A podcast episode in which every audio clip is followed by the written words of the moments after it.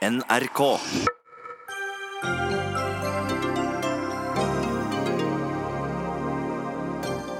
Opposisjonen ville utrede raskere tog mellom Oslo og Stockholm for å flytte flypassasjerene ned på skinnene, men regjeringspartiene sa nei. Forfattere er lei av at forlagene sitter på livsverket deres til evig tid, og vil endre avtalene. Men det kommer til å gå utover forfatterne selv, svarer Forleggerforeninga. Nå blir det forbudt med nikab og burka i alle klasserom og forelesningssaler. Men Arbeiderpartiet vil lengre. Plaggene må av før studentene kommer til undervisningsstedet, mener de. Klassisk symbolpolitikk, innvender Venstre. Og de er billige og enkle, men er tiden over nå for engangsgrillen?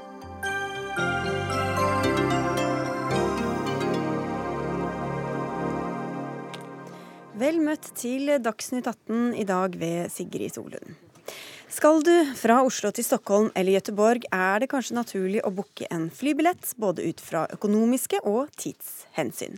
Bare mellom de to hovedstedene flyr det 1,4 millioner passasjerer hvert år. Men hva hvis du kunne satt deg på toget og kommet fram på under tre timer? Ja, drøm videre. I dag sa nemlig Stortinget nei til å utrede en ny og raskere jernbanestrekning disse byene mellom. SV, Arbeiderpartiet og Senterpartiet ønsket å gjennomføre en konseptvalgutredning for disse strekningene, men det fikk dere ikke flertall for, Arne Nævra. Du sitter i transport- og kommunikasjonskomiteen på Stortinget for SV. Hva var det dere egentlig ville utrede, og hvorfor? Altså, Vi ønska jo selvfølgelig at eh, Norden skal binde sammen med jernbane. Det er jernbanen som skal binde Norden sammen. Og i dag så tar det fem timer på det raskeste toget mellom Oslo og uh, Stockholm.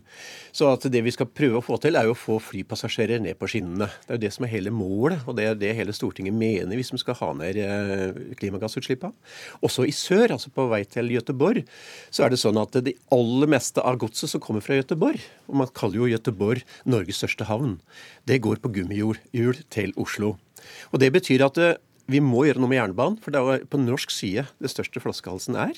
Og så er det sånn at på persontrafikk så tar de aller fleste bil til Gøteborg. Men hva er det som ligger i en sånn utredning, da? Der kan man gå inn i detaljer på traseer. Man kan diskutere forskjellige finansieringsmåter. Altså det er, det er, mye mer detaljert. Det er på en måte en slags kvalitetsnorm når du setter altså det vi kaller for en KVU da på en utredning. Det er ikke bare en sånn løs vurdering, men det er en litt sånn mer forpliktende utredning som eh, på et vis er en standard. Mm. Jonas Karlsson, du er direktør i selskapet Oslo-Stockholm 255, som altså er et offentlig selskap som er eid av de store byene mellom Oslo og Stockholm.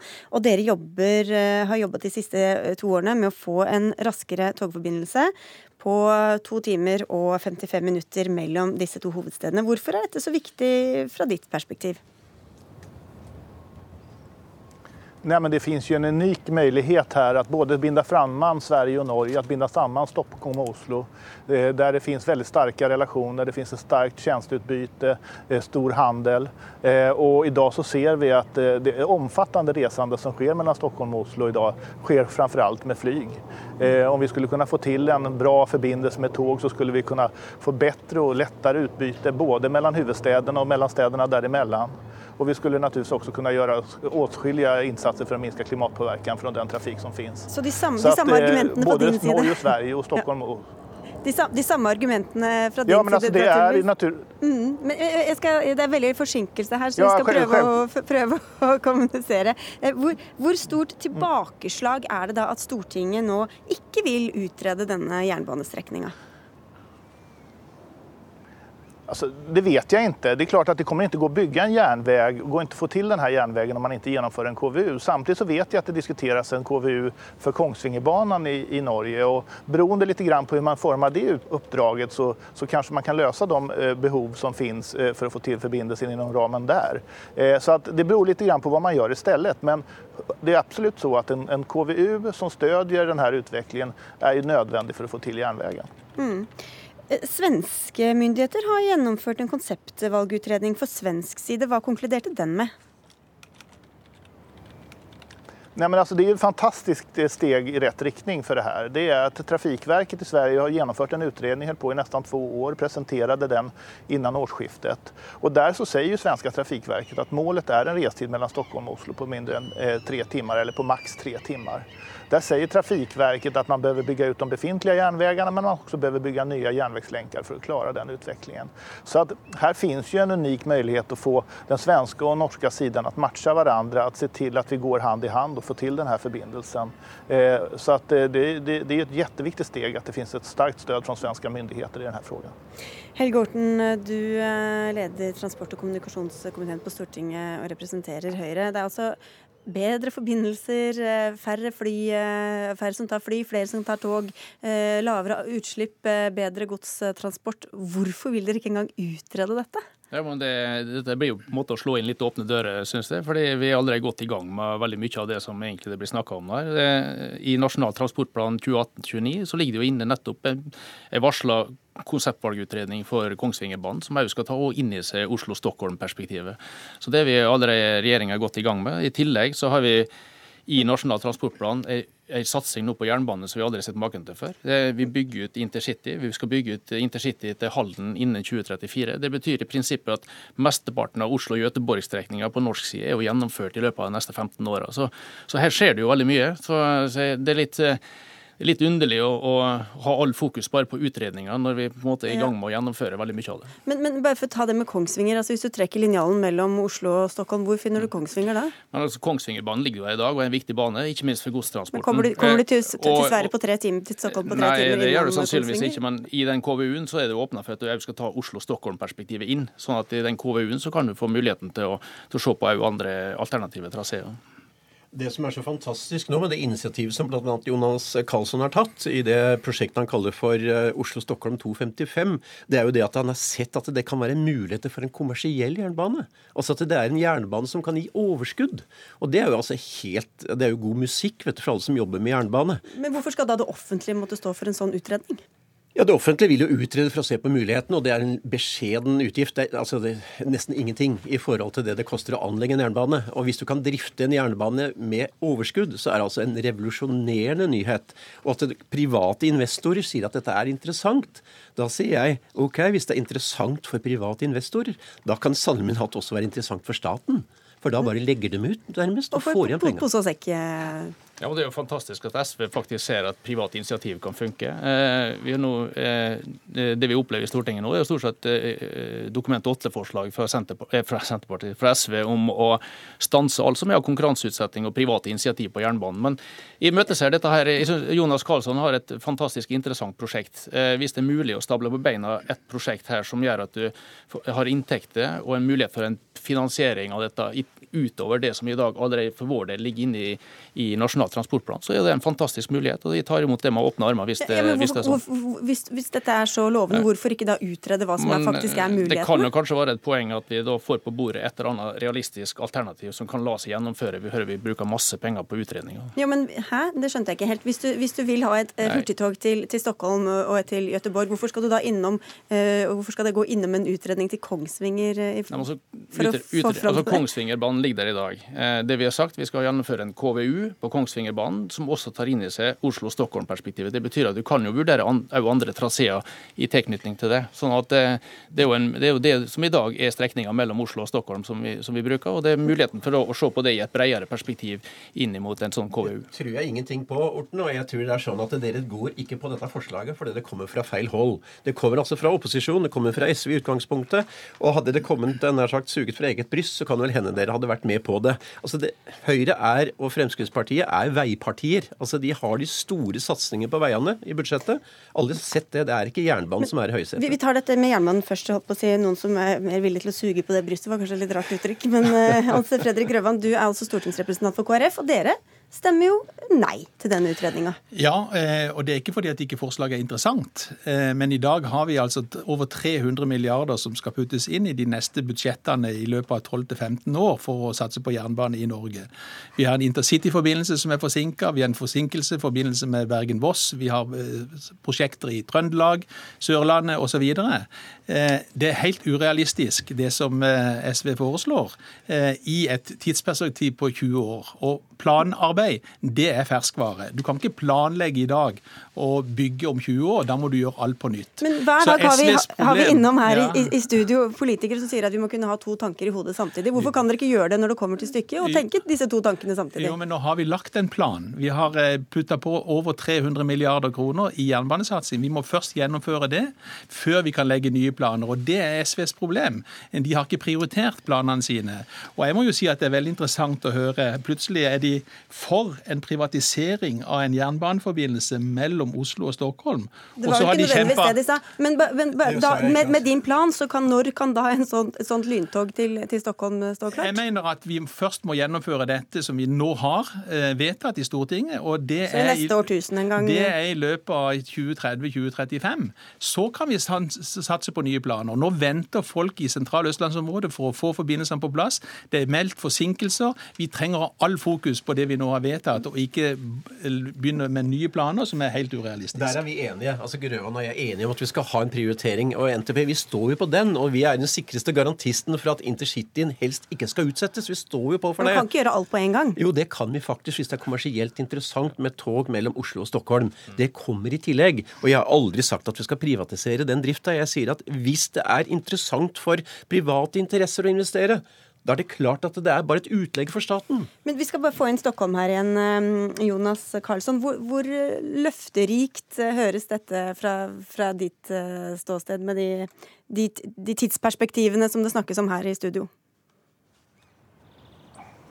Nej, men alltså jag skulle säga som så att det görs ju fantastiska satsningar på järnväg i Norge och det görs uh, stora satsningar i Sverige också. Men det är ju väldigt stora behov och, och vi har egentligen samma utmaning, kanske till och med ännu mer i Sverige än i Norge, att få pengarna att räcka till. Och det har ju varit hela utgångspunkten för vårt arbete.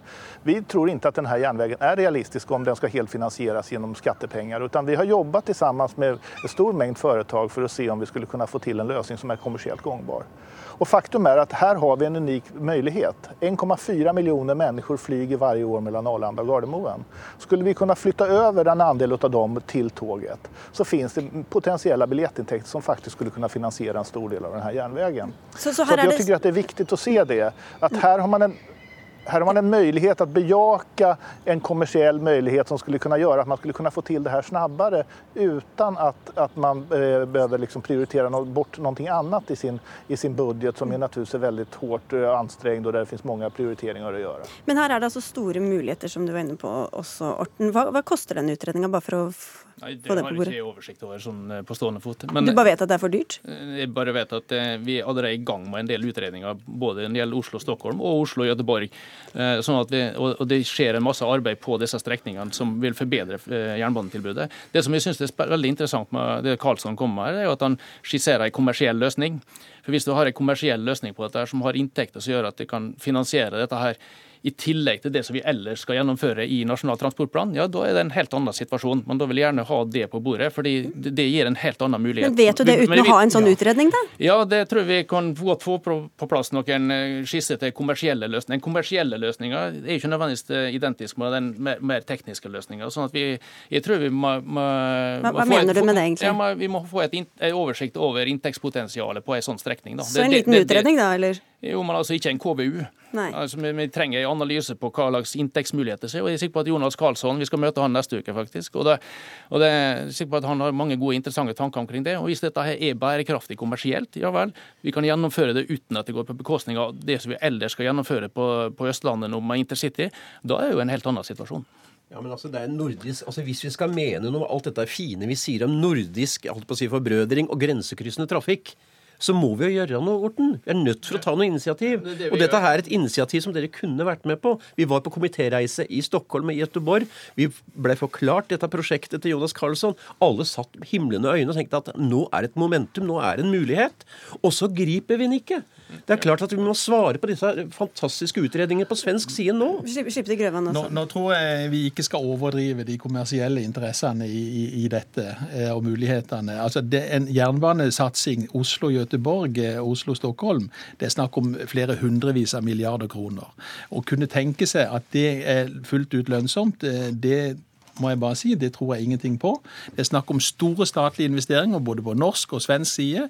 Det fører til forrykking av våre egne planer. Nå må vi ha fokus på det. Og jeg vil utfordre eh, SV egentlig til å prioritere det vi nå har vedtatt, sånn at vi får det gjennomført. Så skal jeg gjerne være med og drøfte en KVU når vi nå rullerer NTP-en i 2021 i forhold til Oslo-Göteborg og Oslo-Stockholm. Men vi kan ikke hive inn den type tanker, eh, den type planer nå, og, og planlegge noe som vi vet ikke kan bli realisert på 20 år. Bare for høre med deg, Horten, Har du like god tid som det Grøvan har her, eller? Det er én ting som er viktig nå, det er å få gjennomført det vi har sagt vi skal gjennomføre i Nasjonal transportplan. Så du trenger heller ikke å tenke noe på dette Nei, men mange, poenget, mange år? Poenget er at hele stort flertall i Stortinget har sagt ja til Nasjonal transportplan, inklusiv Arne Nævra og SV.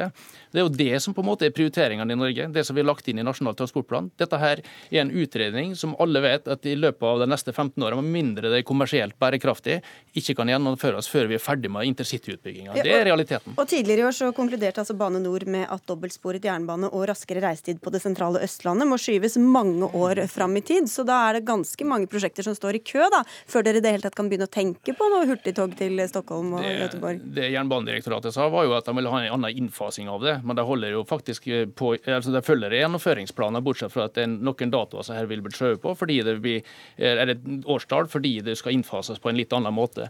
Men, eh, men poenget her er jo at vi allerede er i gang. Altså Når vi bygger ut intercity, eh, og ytre intercity ferdig i 2034 i Halden, så har vi laga veldig mye av den strekninga mellom Oslo og Göteborg på norsk side. sånn at det, det er jo, Vi er allerede godt i gang med vår del av den jobben. Og Du sa Nevra, at, at, unnskyld, at, at NTP eh, ikke, altså at regjeringa ikke satser på jernbane, men i denne nevnte NTP, altså Nasjonal uh, transportplan, så er det altså uh, 320 milliarder kroner som er satt, på, satt av til jernbaneformål, og jernbanen får hele 45 av investeringskostnadene i planen. Hvor mye skal dere egentlig bruke på jernbane? For dere vil jo bare legge det oppå dette her? Ja, da, vi vil legge det oppå. Vi vil ta ifra de store motorveiprosjektene. Det er allmenn kjent. Og det er jo vi som prioriterer her, programleder. Altså, det blir sagt at ikke SV prioriterer. Vi vil altså faktisk finansiere det her. Og det vi ofte gjør, det er å ta fra de store motorveiprosjektene i bynære strøk, og særlig firefelts motorveier. Og de har altså noen sånne svimlende Eh, planer, disse her, eh, veipartiene, sånn som Høyre og Frp spesielt representerer. 340 milliarder ikke sant, til ferjefri E39, som han er en stor talsmann for, blant annet. Og jeg mener at Dette her sier vi nei til. Vi skal ikke krysse fjordarmer på Vestlandet. Vi skal bruke det på sånne ting som jernbane. Så det er meningsløst sløseri med samfunnsmidler, og det er gærent miljømessig. Fullstendig gærent. De rugger inn i framtida, rett og slett. Der er vi, altså her er det en politisk uenighet. Eh, vi mener at vi må ha en god balanse i dag i Nasjonal transportplan mellom bygge vei, sørge for at eh, hele Distrikts-Norge har gode veier å kjøre på, og det å bygge jernbane på det sentrale Østlandet, og ikke minst òg eh, i, i, i de grenseoverkryssende sporene. Sånn at her, her går det an å gjøre to ting samtidig. Vi har funnet en balanse i det. Arne Nævra og SV er uenig. De vil ta fra veiprosjektet i distriktene og flytte over på jernbane på Østlandet. Ikke fra distriktene, nei. Det er ikke sant, Orten, og det veit du. Altså, E39, E39 39 ligger langs kysten, da. SV er et eh, veiparti for distriktene. Fylkesveiene et etterslep på 30-40-50 milliarder kroner i etterslep på fylkesveiene. Og altså, dere prioriterer ikke. Men til, til Grøvan til slutt her, da. Eh, hva, hva, gjør dette, tror du, med KrFs troverdighet da, på klima og Vi har eh, veldig gode klimapolitiske målsettinger som vi nå ønsker å gjennomføre i den nasjonale transportplanen. Det er også en av grunnene til at vi satser så sterkt på jernbane. La oss ha fokus på det vi har vedtatt, få gjennomført det. Så skal jeg gjerne være med på en runde om eh, KVU til, Oslo, nei, til Stockholm og Göteborg når vi rullerer eh, NTP-en. Men nå må vi ha fokus på det vi har sagt vi skal gjøre. Så får vi fly til Sverige i en 10-20-30 års tid. meg. kanskje med elfly, vet du. Dere, vi stopper der. Takk skal dere ha alle sammen. Helge Orten fra Høyre, Arne Nævra fra Vest, SV, Hans Fredrik Grøvan fra Kristelig Folkeparti og Jonas Karlsson eh, med fra Stockholm. Takk. Dagsnytt 18 alle hverdager klokka 18.00 på NRK P2 og NRK2.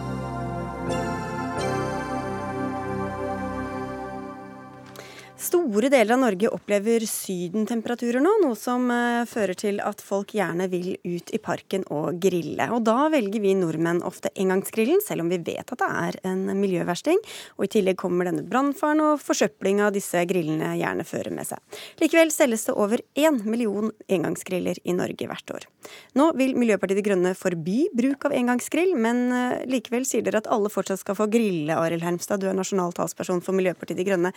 Hvordan skal dere få til det for alle de som ikke har råd til noen fancy gassgrill? Eh, for det første så er jo dette et eh, forbud som vi tenker bør tre i kraft når vi har fått på plass gode ordninger, som f.eks. fellesgriller. Og der mangler det fremdeles mye. Vi er nødt til å gjøre mer for å få fellesgriller på plass. Det fins muligheter til å leie grill. Og for den enkelte så går det an å kjøpe e, flergangsgriller. Jeg har sjøl en som jeg tror koster 350 kroner. Helt utmerket, lett å ta med seg. Og det som er fordelen med den, er at jeg pakker den sammen. Jeg sørger for at det ikke er noe Jeg setter ikke den fra meg, og den er ikke varm når jeg går igjen. Sånn at, Nøyaktig hvor mange eh, sånne fellesgriller må på plass før dere vil ha innfaset dette forbudet? Vi har ikke sagt, satt noe takk på det, eller et minstekrav. Men vi ber nå regjeringen om å sette av penger i budsjettet, sånn at man kan ha en statlig pott som gjør at kommunene kommer i gang med det. Og jeg tror jo at vi i første omgang så kan vi også få ned forbruket ganske mye. Eh, I Sverige så bruker de under halvparten så mye engangsgriller som det vi gjør i Norge, og de er dobbelt så mange som oss. Eh, så vi har mye å gå på når det gjelder å få ned bruken også. Gisle Meininger Saudeland, du sitter i energi- og miljøkomiteen på Stortinget for Fremskrittspartiet. De er altså brannfarlige, de forsøpler. Hvorfor vil dere da verne om engangsgrillen? Engangsgrillen er jo et helt lovlig produkt som over én million nordmenn bruker. Det blir solgt over én million engangsgriller. Og uh, en ting er jo på en måte at man kan forby det i en periode pga. brannfare. Det er vi helt enig i, og brannvesenet skal ha anledning til å gjøre det. Men det man tar til orde for her, er jo å forby det ut av helt andre grunner. Mm. Og det å på en måte statlig regulere grilling og hvilke instrumenter mennesker skal bruke til å tilberede maten sin og sånn, det er, mener jeg er langt over det staten bør blande seg inn i. Men å si at noe er lovlig, er vel ikke strengt tatt et argument for mot å gjøre det ulovlig? Nei, men foreløpig så er det, et, er det et lovlig produkt. Så ser jeg at Miljøpartiet tar til orde for at man skal forby det. Eh, men man kan ikke forby det ut ifra et eh, miljøperspektiv, fordi eh, de er resirkulerbare. Det er ting som blir selv om de er engangs, så blir materialene brukt på nytt osv.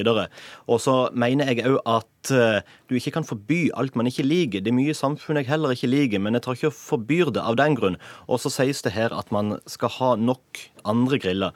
Men folk tar som regel å bruke en engangsgrill nettopp eh, på, de, eh, altså nettopp på de stedene hvor det ikke er mulig å ha en annen grill. F.eks. hvis man er i skjærgården eller en annen plass hvor det ikke går an å sette opp en offentlig, eh, offentlig grill. Hva slags plan har dere for dette? Hvor, hvem skal bestemme hvor alle disse fellesgrillene skal stå? Denne potten, hvem skal bevilge? Altså, hva, det høres jo fryktelig byråkratisk ut. Eh, altså, Kommunene har et ansvar for å legge til rette for det, eh, og det gjør man mange steder. I Oslo har man satt opp eh, også på F.eks. der friluftsområdene befinner seg, så finnes det områder med engangsgriller. Og så syns jeg jo eh, det er jo et par ting som Frp mm, mener. Men det, jo, men bare ta det først.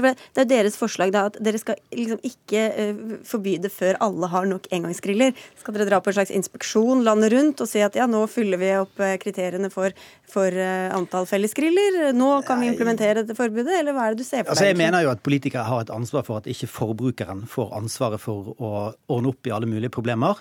Eh, og når det gjelder engangsgrill, så bidrar den til økt brannfare. Da kan du bare forby det først som sist. Ja, men jeg mener at for, et forbud kan innføres gradvis. Altså Vi kan ha et mål om at disse skal fases ut i løpet av et visst antall år. Til gjengjeld så skal vi politikere gjøre tiltak som gjør det lettere for folk å klare seg uten engangsgrill. Eh, og så vil jeg òg minne om at det fins gode alternativer.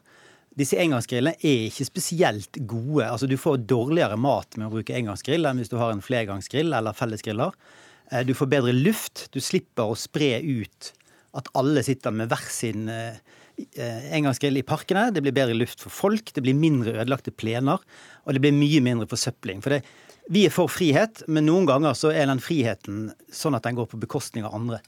Og særlig når når det er varmt, så er det ofte tørt, eh, og da er det også en stor risiko for skogbrann. Ja, men det sier jo, det sier jo Fremskrittspartiet, da vil de også forby ja, men det. er jo det som er litt merkelig. Fordi at Du kan ikke sitte og se på værmeldingen og si til folk at nei, nå blir det forbudt, men i neste uke Gjør det med bål, for eksempel, eller båndtvang. Det er jo masse som er avhengig av uh... Men hvis, hvis han mener alvor med at du skal forby å selge engangsgriller når det er eh, for varmt eller for tørt, så blir det jo ekstremt helt umulig å, å prøve å iverksette et sånt forbud. Så der har jo han et problem med å forklare hva han har tenkt. Nei, men det, det, er jo da det på en måte Altså, det er jo da det blir eh, MDG sitt utgangspunkt er at man da skal på en måte forby alt. Man skal statlig regulere alt man ikke liker, eller atferden til mennesker osv. Og, og så er det jo dette en litt sånn elitistisk holdning at, eh, at engangsgrillen Altså, maten blir så dårlig, så det er jo et grunn til å forby den. Jeg tenker, altså, Hvis folk har lyst til å spise halvstekte pølser eller ikke, det må på en måte være opp til folk. Det kan ikke MDG ta bestemme hvordan mat de skal ta, ta og tilberede. Og nå er det en, det en brannfare. Det betyr at man ikke har lov til å bruke engangsgrill, og det er jo helt greit. Nå så jeg en Twitter-melding fra brannvesenet i Bergen hvor de sa at alle hadde overholdt dette. De hadde ikke funnet Det var ingen som, hadde, som, som brukte en, en engangsgrill. Det var en som fikk et forelegg på 5000 kroner her. Ja, så kan man selvfølgelig, Vi er jo et land på fem millioner innbyggere, så man kan jo ikke finne en eller annen person som bruker en engangsgrill. Men igjen, det å forby alle ting man ikke synes noe om, det synes jeg er en veldig dårlig løsning. Vi har ingen planer om å forby alt vi ikke liker. og det er typisk Når du går tom for argumenter, så må du tillegge meg og MDG masse meninger som vi ikke har. Vi mener at vi politikere har et ansvar for å styre. Vi mener at vi kan, hvis vi kan bidra til å endre folks vaner, sånn at det blir mindre bruk og kast, at vi tar mer ansvar for miljøet f.eks., så kan det være et tydelig signal om at vi ønsker å bli kvitt et produkt på lang sikt. Og da kan vi finne gode løsninger som ikke er eh, det å forby ting man ikke liker. Og det Eh, det tror Jeg jo at, eh, jeg tror Frp har også noen forslag som går ut på at man ikke ønsker å ha noen Man setter noen grenser i politikken, og det er jo vår oppgave å gjøre. Og Vi vil ha en god del grenser når det gjelder miljø. Så har kanskje Frp andre steder de vil sette inn sine grenser. Men å tillegge meg masse meninger som ikke har, det syns jeg er en dårlig debatteknikk. Uh, nei, jeg tillegger deg ikke noen meninger, men MDG har jo lyst å forby flere ting. Altså, så, det på en måte, så det å gå løs på engangsgrillen under begrunnelse av at det er brannfarlig, mens, mens grunnen egentlig er at man skal Eh, man gjør det et miljøperspektiv, synes jeg ikke. Og da jo på Han hadde jo flere grunner, da. Ja, ja, men så kan man stille med seg spørsmålet hvor mange ganger skal man da kunne bruke et produkt for at, eh, før Miljøpartiet har lyst til at, man, at, at, det skal være lovlig? Skal man forby alt som er engangsprodukter? Altså, andre ting som blir, ting som blir resirkulert, skal man, skal man, ikke bruke det? Skal man komme over Altså, jeg skjønner på en måte ikke, ikke poenget ut ifra et miljøperspektiv. Fordi de aller fleste tar og kaster disse her. De er resirkulerbare. Og eh, de aller fleste ja, vi, bruker kanskje... De aller fleste overholder, overholder brannfaren og bruker ha, det ikke ha ordninger som gjør at de pantes inn eller blir mer miljøvennlige her. Ja, altså, hvis, vi, hvis, vi, innfører en pant som Naturvernforbundet foreslo på 200 kroner, så tror jeg at det kommer til å bli borte av seg sjøl. For da kommer folk heller til å kjøpe flergangsgriller som, de, som ikke koster så fryktelig mye mer enn 350 kroner. og da har du spart opp de pengene ganske, ganske Men Hvis folk bare skal grille f.eks. en gang i løpet av sommeren eller noe sånt, er det da bedre at de, at de kjøper en grill til 300 kroner, og så, så, og så etterpå så står den og ruster, og så bruker de den ikke like, allikevel. Dette må, dette må være litt sånn, dette må være litt sånn nei, men Alle plasser kan du ha en fellesgrill. For der, der jeg f.eks. Okay, ville brukt en engangsgrill, er jo der hvor du ikke har muligheten til å bruke en fellesgrill. Og da sier at du skal ta med denne lille bærbæren. Men jeg tror vi har snakket nok om grilling nå. Eh, dere må ut i sola. Takk skal dere ha begge to for at dere kom til Dagsnytt 18. Gisle Meininger Staudland fra Fremskrittspartiet og Arild Hermstad fra Miljøpartiet De Grønne.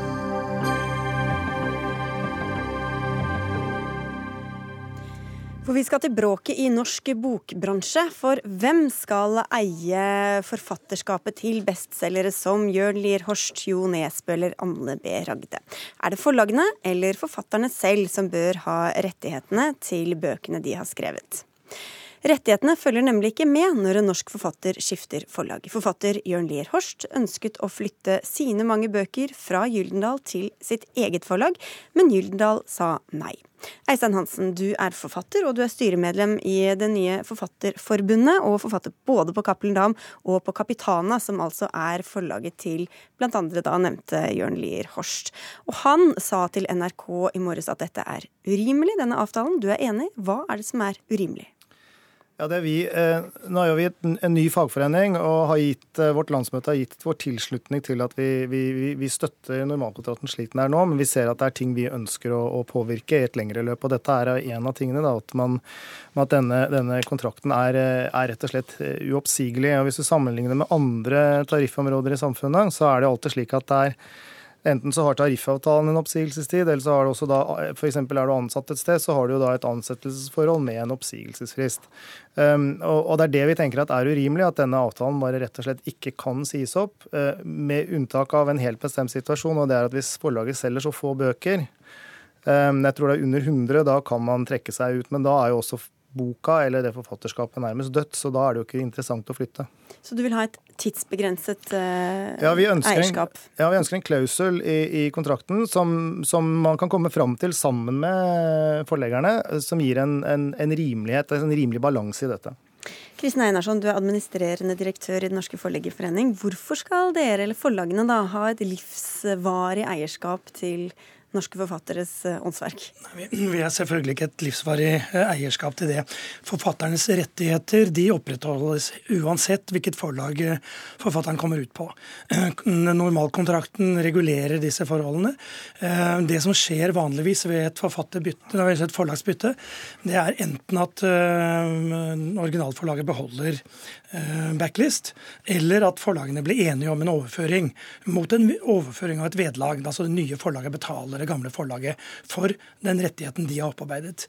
Forfatterens rettigheter er tvers igjennom hele veien. Altså De får penger for bøkene som blir solgt? Det er ikke det det går på? De får penger på alle bøker solgt. ikke sant? Og det gamle forlaget vil ha like stor interesse av å selge denne backlisten som det nye forlaget. Og hvorfor det? Jo, fordi at eh, Forlaget har jo investert store summer i dette, kan vi komme tilbake til. Men denne balanserte saken handler jo om et produkt man har utviklet i samarbeid, mm. og har investert i sammen. Men så sa da Jørn Lier Horstad til uh, Nyhetsmorgen i dag tidlig at han ville ta med dette forfatterskapet, og at han la flere millioner kroner i potten for å komme til enighet med Gyldendal, som var i dette tilfellet. Hvor, hvorfor gikk ikke det, da? Altså Da går jeg, går jeg ut fra at det ikke er forfatteren uh, som snakker, men forleggeren, den nye, nye, nyslåtte forleggeren, og at den nyslåtte forleggeren ikke ble enig enig med den gamle forlaget om hvordan man Det skjer. Mm. Det, eh, sånn er det. Men, og, og da, da, har eh, den, den, gamle forlaget har da retten til å selge dette. Og de kommer jeg er helt overbevist om at Gyldendal kommer til å gjøre en glimrende jobb for Jørn Lierhorsts tidligere utgitte bøker, som Gyldendal har investert veldig mange mm. penger i også. Ja, for det er, det, det er jo det dette handler om eh, da, Hansen. Da, dette, dette, og dette er jo en del av denne normalkontrakten som dere mm. ellers støtter. Og den kontrakten er jo da avhengig av at begge parter tjener på den. Eh, og hvis du tar bort et så viktig punkt, hva skjer da med, med, med, forlagenes mulighet til å sikre den inntekten som de er avhengig av å ha, også for å støtte nye forfatterskap og smale forfatterskap? Ja, vi, vi, forstår jo og respekterer forlagenes eh, ønske om og behov for å tjene penger på et forfatterskap. Det er jo også i forfatternes interesse. Men, men i det bildet som blir beskrevet her nå, så er det jo én fullstendig en part som ikke har mulighet til å påvirke hva som skjer med sitt eget forfatterskap og sin backkatalog, og det er jo nettopp forfatteren, som eventuelt ønsker å bytte forlag. Jeg forstår jo det at hvis forfattere bytter forlag annethvert år og tar med seg alle bøkene sine, så blir det en veldig uforutsigelig forretningsdrift for forlagene. Full respekt for det. Men vi mener at det må kunne gå an å finne ordninger og formuleringer her som er slik at begge parter kan leve med dem. Det er det som er vårt poeng. Mm. Og eh, Så snakkes det her om den investeringen som forlagene gjør. De, de investerer jo selvfølgelig masse i en bokutgivelse. Men tenk hva da forfatteren har investert. Altså Forfattere investerer jo nærmest hele livet sitt i å skrive bøker. Altså i forfatterskapet sitt er all på en måte hele livserfaringen, akkumulert eh, kunnskap som puttes inn i den til enhver tid siste manuskriptet du leverer til forlaget. Det er en enorm investering som ligger bak, også timemessig. og jeg tror at Hvis man regner hvor mange timer bruker en forfatter på å skrive en bok, kontra hvor mange timer forlaget legger inn, det regnestykket hadde vært interessant å se på. Det er jo ingen tvil om at uh, her uh, Det en, forfatter og forlag gjør, er å inngå et samarbeid hvor begge investerer mye. Og det er ingen tvil om at en forfatter investerer, og mange investerer livet sitt i dette. I, dette. Og, og, og, mange havner jo uh, i situasjoner hvor nesten ikke tjener penger gjennom hele livet sitt. Det betyr også at åtte av ti utgivelser sånn, eh, ikke er lønnsom for et forlag. Men det som er sentrale her, det er jo eh, forlagene må ha muligheten til å investere i forfatterskapet i troen på at det blir lønnsomt en gang. De aller fleste av suksessforfatterne som vi har utvikla de siste 30-40 åra, har skrevet én, to, tre, fire, fem, veldig få igjen, men fire, fem, seks, sju, åtte bøker før den første boka blir lønnsom for kan du si, begge parter. Poenget er at dette er et samarbeid, og, og det handler om at forfatterne har valget. Forfatterne velger til enhver tid hvilken partner de vil jobbe sammen med, men det man har utviklet sammen med partneren, må det være mulig for begge deler å høste av etterpå. Hvis ikke Altså Hvis dette forslaget skulle gå igjennom, øh, og man sier at øh, det er ikke lenger slik at et forlag kan regne med backlist-salget sitt i framtida. Altså, for å forklare hva backlist er. Ja, unnskyld, ja, det, er det er tidligutgivelser. Hvis, hvis jeg kan våkne opp en morgen og er forlegger, og en av mine beste forfattere har forlatt meg. Eh, hvordan blir da min mulighet når jeg skal se på den neste mulige gode forfatteren? Så dette er penger i banken på en måte da, ja, for dere det, det til å blir, investere i nye forfattere? Ikke sant, og det, og det, tenker man når man ser fremover. Men hvis du ikke har den muligheten for å få tilbake investeringen, fordi at den kuttes uten at du vet når og uten begrunnelse, så vil jo det endre alt. og Da må vi begynne å snakke royalty-satsstørrelser, vi må begynne å snakke en masse annet. Eller så må forlagene ta færre sjanser mm. på utgivelser. Men her kommer du da inn på dette skjeve maktforholdet mellom forfatter og, forlag.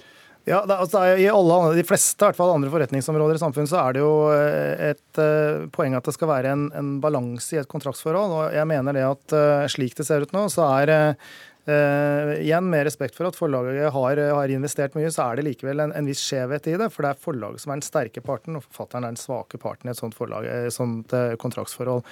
Uh, og, og, da syns jeg det, det, bør være mulig å kunne se på en rimeligere fordeling av hvordan dette maktforholdet skal være, og hvordan man kan komme seg ut av en sånn kontrakt. Eh, at en forfatter kan gjøre det. Men, men eh, det er igjen, jeg må understreke det at vi, vårt forslag, eller vårt, vår tanke er, det er jo for det første ikke at man skal forsvinne over natta. Det, det skjønner vi er uholdbart.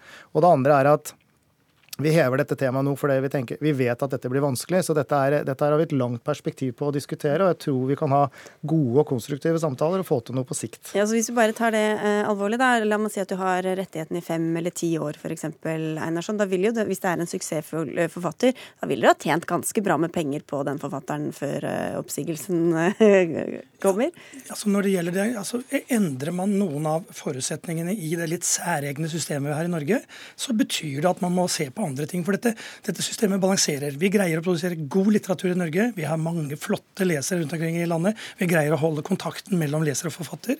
Hvis du begynner å gjøre noen endringer i store strukturelle endringer i dette, så betyr det at det må gjøres endringer andre steder, eller så skjer det noe.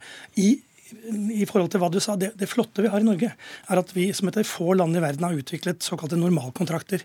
Det betyr at foreningen har drøftet og diskutert seg frem til et sett med regler som gjør at den nye forfatterspiren som vil debutere, kan gå til et forlag som er medlem i Forleggerforeningen og si jeg vil ha den kontrakten her, jeg. Denne normalkontrakten. Ja, du får like mange prosent om du er den ene eller den andre. Du gjør det. Og du kan si, og det andre særpreget er at de suksessfulle forfatterne i Norge, de som, tjent, som, virkelig selger masse, har vært villig til å akseptere at de tjener litt mindre, for at deres kollegaer som tjener mindre, skal tjene litt mer. Det har vært den flotte norske modellen. Og hvis vi nå skal inn i en modell hvor de mest suksessrike, som har lyst til å hoppe og shoppe rundt på forlag, skal kunne ta med seg backlisten akkurat til utgivelsen når det går, da torpederer vi et flott system. Kan være nye tider, da?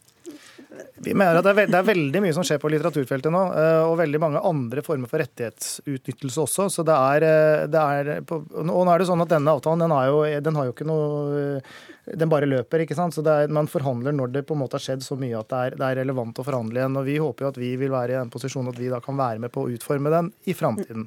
Fikk dere i hvert fall sendt ut en prøveballong. Takk skal dere ha begge to. Kristin Einarsson fra Den norske forleggerforening og Eistein Hansen, som også er styremedlem i dette nye Forfatterforbundet. Thank you.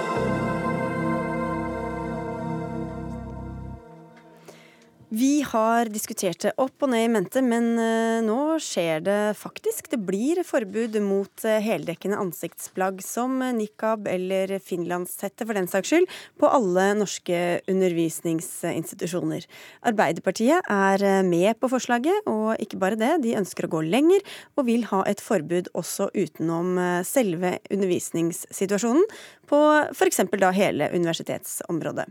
Nå skal jeg snakke til Jan Bøhler, men jeg aner ikke hvor han er. Han kommer løpende her utenfor. Jeg kan forklare litt mer kan, om eh, du, hva forbudet egentlig er, da. Du skal få slippe til snart, Guri Melby. Men uh, da kan vi ønske velkommen til en uh, litt andpusten, kanskje, uh, stortingsrepresentant for Arbeiderpartiet, Jan Bøhler. Du sier at det forslaget regjeringspartiene nå får gjennom, er pinglete og parodisk. Hvorfor er det det? Jo, jeg har jo tatt opp den saken her på Stortinget siden 2014. Og regjeringen har jo ikke svart hva de mente. Og i høsten 2016 så la vi fram et forslag om at det skulle være forbud mot uh, heldekkende plagg, nikab burka, i skole og undervisning, altså høyskole og universiteter. Og da var det ikke i det forslaget, så var det sånn som også regjeringen fulgte opp med å sende ut da et høringsforslag som er, gikk ut på at det skulle være forbudt både inne i klasserommet, men også ute i skoleområdet Altså inne i bygningen og rundt i skolegården osv. Og, det samme inne i universitetsbygninger osv.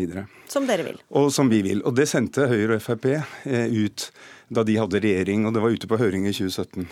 Jeg må få igjen pusten her. ja, du skal være glad du har godt trent. Ja. Og så, og så, eh, og så Eh, ja, så var det ute på høring, og vi regna med, med at eh, i hvert fall Høyre, Fremskrittspartiet og Arbeiderpartiet hadde markert klart det standpunktet, at det var det forslaget som ville komme til Stortinget.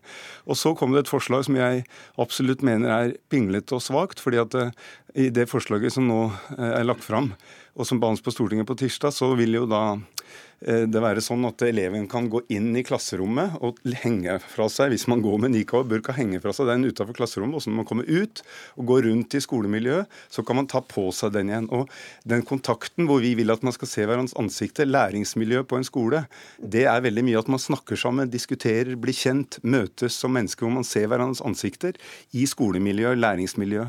Veldig mange lærere har sagt det til meg, at regjeringen misforstår hvis du tror at læringsmiljøet på skolen bare er når man sitter på pulten. Man må se hverandres ansikter når man mm. omgås i hele skoleområdet. Ok, men Da skal du få ordet, Guri Melby, altså stortingsrepresentant for Venstre. Og det er jo dere som har fått vilja deres, da, mm. Eh, kan du si i dette forslaget. Mm. Eh, og du sier at det bare er symbolpolitikk fra Arbeiderpartiet. Hvorfor er det det? Altså Det som vi fikk endra med det opprinnelige forslaget, var jo at vi ramma det ganske klart inn til at det bare handler om undervisningssituasjonen. Og det er fordi at Venstre ikke ønsker noe generelle klesforbud. Vi er opptatt av å hegne om religionsfrihet og ytringsfrihet.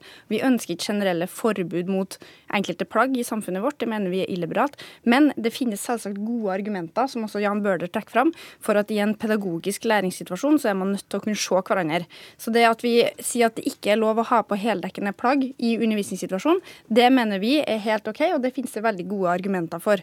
Uh, selv om, selv om, det er én person som sitter på bakerste rad i en kjempestor uh, forelesningssal? Uh, ja, altså nå er det heldigvis sånn at stadig mer undervisning jo, jo, også på universitet og høyskole Du snakker prinsipielt. Ja, men prinsipielt så, så, mener jeg at det finnes veldig gode argumenter også i en sånn situasjon. fordi at eh, vi ønsker jo interaksjon mellom den som underviser og den som er til stede. Og det er jo ikke sånn at det handler bare om dialogen mellom forelesere og studenter, eller det handler også om å kunne se sine medstudenter. Så vi, det mener vi det finnes gode argumenter for. Men grunnen til at jeg kaller det her for symbolpolitikk, det er egentlig flere ting. For det første så mener jeg at Arbeiderpartiet med å gå ut så hardt mot dette forslaget, forsøker å late som om dette er et større problem enn det er.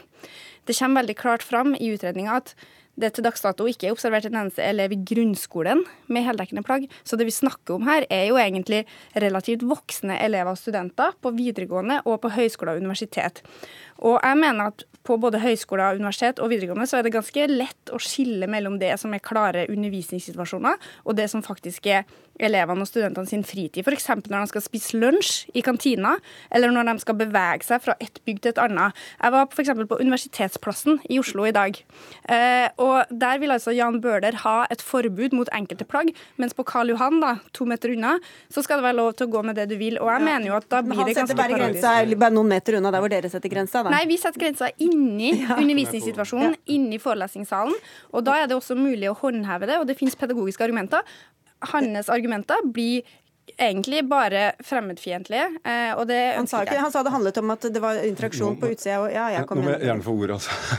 altså. Kalle det Når Venstre sier at de vil at man skal se hverandres ansikter pga. interaksjon i undervisningen, og så, det er man enig i, og så blir det plutselig fremmedfiendtlig når vi vil at man skal se hverandres ansikter også i korridorene og ute i skolegården.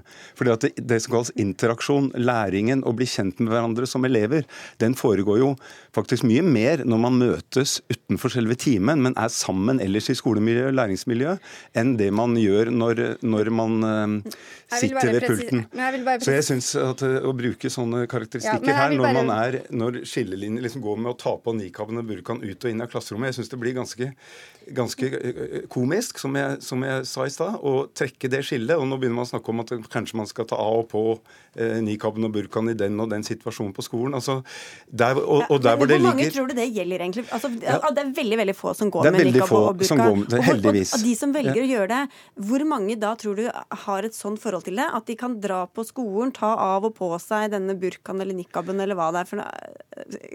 Avhengig av hvor de, nøyaktig hvor de befinner seg. Jeg tror i hvert fall at det blir mye altså, det er, det er noen situasjoner sant, som har vært på videregående skoler og høyskoler hvor det har vært konflikter rundt dette her. Og det blir i hvert fall ikke noe enklere å praktisere noe hvor man skal ta det av og på seg, ut og inn av klasserom, enn om det gjelder på hele området. Mm. Og så er det noen steder hvor universiteter og sånn ligger inne i bymiljø, som ble nevnt her, eh, selve den, altså, den delen av Universitetet i Oslo som ligger ved Karl Johan, mens mesteparten ligger jo på Blindern i et mye klarere avgrensa område. Men når det ligger i et bymiljø, så må det gjelde mer definert i bygningene, sånn at det ikke blir Og det tror jeg Venstre skjønner at det ikke er så vanskelig å finne den, den skillelinjen, akkurat som de trekker skillelinjen mellom forelesningssalen og, og miljøet ellers. Okay, så jeg, men, altså, jeg, jeg, Melby før vi skal inn med, Jeg vil bare presisere at jeg ikke mener at Jan Bøhler eller Arbeiderpartiet er fremmedfiendtlig. Poenget mitt var at jeg mener generell... Politikken er det? Nei, jeg mener at generelle forbud mot plagg i samfunnet vårt det mener jeg ofte argumenteres med ut ifra at man er skeptisk til noe som er ukjent, og ut ifra at det er noe man ikke liker, som man vil forby.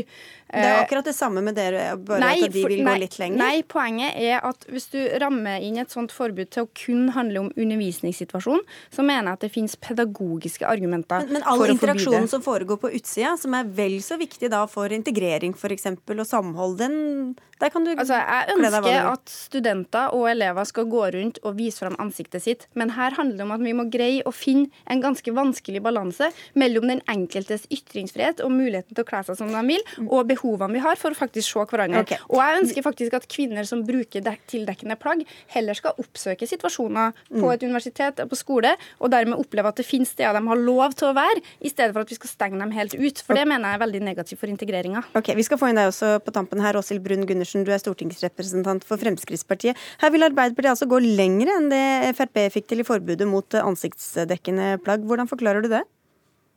Problemet er jo at Arbeiderpartiet faktisk ikke vil gå lenger. Hadde de villet gå lenger, så hadde de blitt med Fremskrittspartiet og innføre et totalforbud mot burka og nikab i det norske samfunn.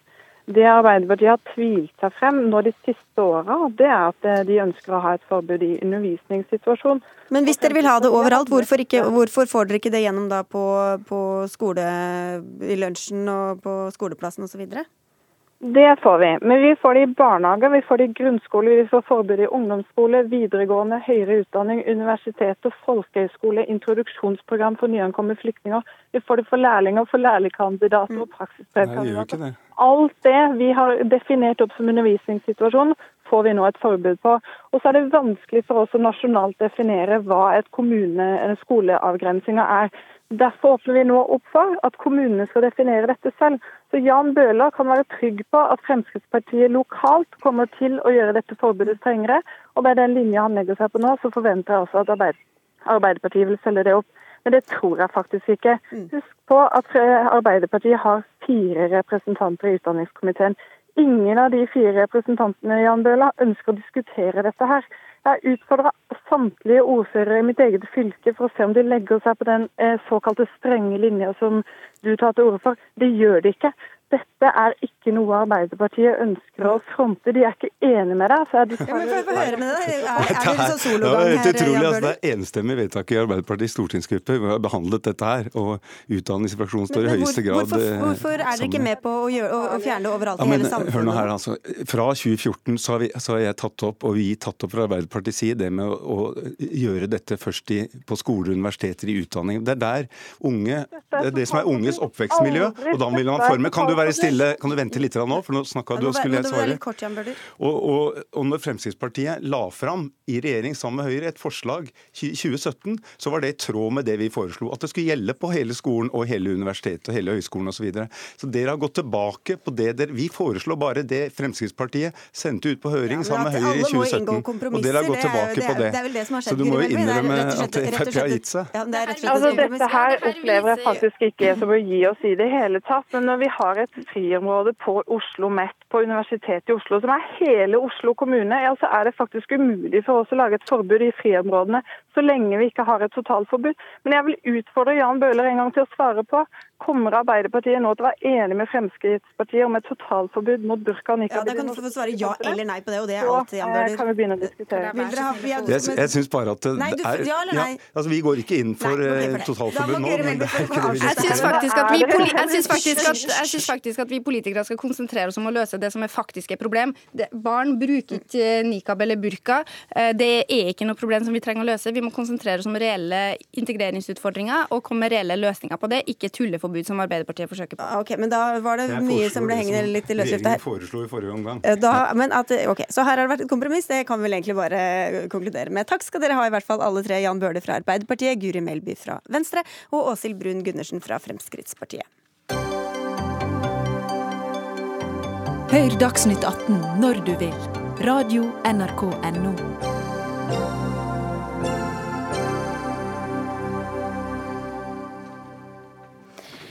Forestill deg at du sitter på balkongen din etter en lang dag og gleder deg til å slappe av med en sigarett, men så roper naboen i borettslaget ditt at det er forbudt å røyke på balkongen din. Sånn bør det ikke være, mener Norges astma- og allergiforbund, som blir sitert i Dagsavisen på dette. Bo Gleditsch, du er assisterende generalsekretær i dette forbundet. Vi snakker jo om røyking i friluft her, så hva slags problem utgjør dette egentlig? Problemet er nok større enn veldig mange tror. Eh, Vi får henvendelser til vår rådgivningstjeneste så godt som daglig av fortvilte mennesker.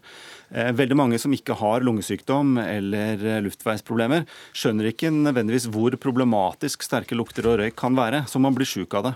Og Når du da sitter på et område og blir sjuk av at naboen røyker, og argumentet er jo, men jeg er på min egen private eiendom, så du kan ikke stoppe meg, så mener vi å, gå ut og informere om at det er faktisk ikke sånn at det alltid privat eiendom, og at borettslag i mye større grad enn de tror har anledning til å regulere det, og det ønsker vi at de skal gjøre. Så ikke et nasjonalt forbud, men at borettslaget selv skal forby det. Vi prøver å oppfordre folk til å tørre å ta tak i den problemstillingen, ja. Vi har med oss to jurister her, faktisk. Først til deg, Anders Leisner. Du er leder for medlemsrådgivning i Huseiernes Landsforbund. Her må det bare forbys. Er det den eneste farbare veien? Eh, nei, altså vi er en, en forbrukerorganisasjon for alle landets boligeiere, også de som bor i, i blokk. Og vi har ikke noe tilhengere av at folk skal plage hverandre verken med røyk eller andre ting. Men eh, røyking er jo en lovlig aktivitet i Norge i dag. Og røyke hjemme er jo det mange setter pris på. Så kan man altså Man skal, ikke plage sine naboer, verken i borettslag, sameier eller andre steder. Men man kan ikke definere i en vedtekt at røyk per definisjon er plagsomt for alle i alle situasjoner. Så det er Eh, ikke lov, det er ikke adgang til et sånt generelt forbud da, eller? Et generelt forbud mener jeg at det ikke er adgang til, nei. Ja. Men det mener du, eller? Nei, det har vi Nei. egentlig aldri ment, så da må det være noen misforståelser. Nei, i nei, folk som har... bare. Nei da, et generelt forbud det er dessuten ikke så veldig klokt. Det vi prøver å få til her, er jo Nei, en men holdningsendring. mener i et borettslag? Altså et generelt forbud i et borettslag? Er ikke Det, det ja, det er fullt mulig, ja. ja beklager, Ja. jeg tenkte på Ja, ja. nasjonalt sett. Nei, det er fullt jeg mulig. Eh, og særlig der hvor det er tungtveiende grunner for det, så kan et styre gå inn og gjøre det. I mange tilfeller så vil det være bedre å regulere det. Vi satt faktisk på utsiden her akkurat nå, hvor Guri Melby fortalte om at i hennes eh, borettslag så var det lagt inn restriksjoner på tid. Og Da vet man når man har å forholde seg til det. Det vi egentlig vil til livs, og som vi er her for å snakke om, er jo at det ikke er sånn at du kan sitte og si at jo, men denne balkongen er min private eiendom, ergo kan jeg gjøre hva jeg vil. For det stemmer i de aller fleste tilfeller ikke. Det er viktig å ha med seg. Vi har enda flere eksperter her. Henrik Lauritzen, du er avdelingsdirektør eh, i Norske Boligbyggelags eh, landsforbund. Eh, Finnes det da, eller hva sier regelverket eller lovverket om dette egentlig, sånn som du har lest det? Nei, Lovverket er egentlig ganske klart. For den sier at i både borettslag og sameier så er boligen, eh, både inne og på balkonger, det er et areal man har enerett til å bruke. Og i utgangspunktet et areal man har lov til å røyke på. Og så er loven ganske fornuftig, for den sier også at hvis det at man røyker er til unødvendig skade eller ulempe for andre, da må man begrense seg. Hvem bestemmer det, da? Det eh, er det egentlig loven som bestemmer, og så er det styret som må håndheve det. Så hvis naboene ikke blir enige om at den ene må dempe seg, så må styret komme og gjøre noe med det. Og så har man mulighet til å gjøre ting med dette i husordensreglene også, og det er kanskje noe av det du snakker om. Så jeg tenker at Dette handler i, i bunn og grunn om folkeskikk, og at man skal ikke plage andre unødvendig. Så i, i, på balkonger der det er eh, veldig nært opp til naboens vindu f.eks., så er det jo ikke pent å stå og, blåse røyk inn der. Da er det til sjenanse, og da kan det stoppes. Men poenget er at du kan ikke gjøre et sånt forbud helt generelt. For alene på toppen av en takterrasse kan du jo stå og røyke hele døgnet uten at det plager noen. Så, så det er, Man må liksom oppføre seg skikkelig og heller lage føringer for hvordan man skal håndtere disse situasjonene. Det tror jeg er langt mer fornuftig. Og vi er helt enige. Kardemommeloven er veldig fin og at den bør gjelde, men når du sitter her og har et reelt eh, problem med helsa, så holder den ikke bestandig. Og vi er også uenig i at man ikke kan innføre et generelt forbud. For det har styrene i de aller fleste tilfeller anledning til. Ikke bare gjennom tobakksskadeloven, som de aller fleste litt feilaktig henviser til også, men vår juridiske avdeling henviser både til borettslagsloven og eierseksjonsloven, som påpeker at når det er ting til generell Eh, plage for andre, så har man lov til å gå inn og regulere det. Jeg har et eksempel for eksempel, om et borettslag som regulerer adgang til å tørke klær på balkongen, ikke sant? og hvor høyt den er. Dette er en visuell greie. Det aksepterer man. Mm. Men når det faktisk er en helseskade, så aksepterer man det ikke. Jeg tror man av og til også blander sammen litt den der jakten på røykerne med hva folk kan og ikke kan i sin egne hjem. Ja, Få høre fra Boligbyggelaget. Ja, det, det, som er litt interessant her, det er at hvis noe er til sjenanse for andre, så kan det godt være at man kan regulere det, men det er en forutsetning. Det må være til en sjenanse. Og så er det noe som vil være til ikke-røykernes fordel, og det er at tiden hjelper ikke-røykerne. Fordi man kan lage regler om det som er i tiden, og det som er normalt å regulere i tiden. Og på 70-tallet så hadde far eh, regulert middagslurretten sin i husordensregelen. Det er ikke lov i dag. Det er lettere å regulere røyking på balkong i dag enn det var for ti år siden f.eks. For eksempel. Fordi det er lettere til sjenanse for flere. Men så sier det, Alle sier at alle må komme til gode løsninger For, Men er, er, det sånn dere opplever at det er fra, for astmatikere? Nei, nei, de fleste som kontakter oss, og veldig mange av de målgruppene vi jobber for, ender jo alltid opp med å være den som må gi seg. Det er veldig sjelden at det er eh, Og det handler om borettslagenes og styrenes, ikke minst, guts til å gå på og faktisk ta en vanskelig situasjon. For alle vet jo at når du sitter i et sånt styre, så er det fordi du så ned i bakken ikke hadde blitt valgt, men så ble du valgt likevel. Men likevel så leder du et fellesskap, og da må du tørre å ta også de vanskelige situasjonene. Og da prøver vi å fortelle dem at jo, dere har faktisk loven på deres side, dere kan regulere det. Lesner. Men eh, altså, eh, det er klart, er man sterkt astmatisk og, og, og plages virkelig av sigarettrøyk, så er det én situasjon. Men hvis det er sånn om man foretrekker røyk eller ikke, så må grensen for hvor mye røyk du må tåle, den må gå et annet sted. For det er lov å røyke, og litt ubehag med at andre røyker, det eh, kan man ikke alltid unngå. Men da er det jo vanskelig hvis du, skal, hvis, hvis du skal lage et totalforbud mot røyking, sånn som du sier, så vil jo det gjelde også i, i borettslag hvor det ikke bor en eneste astmatiker. Jo, men det er borettslag. Det, det, er generelt for hvert enkelt borettslag. Men vil, hvordan vil det da være hvis det er én person som er veldig plaget av røyken pga. astma f.eks.? Eh, skal man da innføre et generelt forbud for hele borettslaget, eller bare for de naboene til akkurat den ene røykeren? Nei, jeg beklager. Ja. Nei, nei, det, det, kan det egentlig ikke styret avgjøre. fordi det, da må styret lage noe som beskytter vedkommende, hvis det er innenfor regelverket. Da risikerer de å gjøre det. Og Her blir det en helt konkret vurdering som bare styret i praksis kan ta. Det kan være fysisk utforming på bygget, altså hvor ventilasjonen er i forhold til der man røyker, hvor soveromsvinduer er i forhold til der man røyker. Og det kan være balkongløsninger. Innglasse balkonger f.eks er ofte et problem. Så er det den typen problemer, så kan man kanskje regulere. Eh, men man må se på det konkret.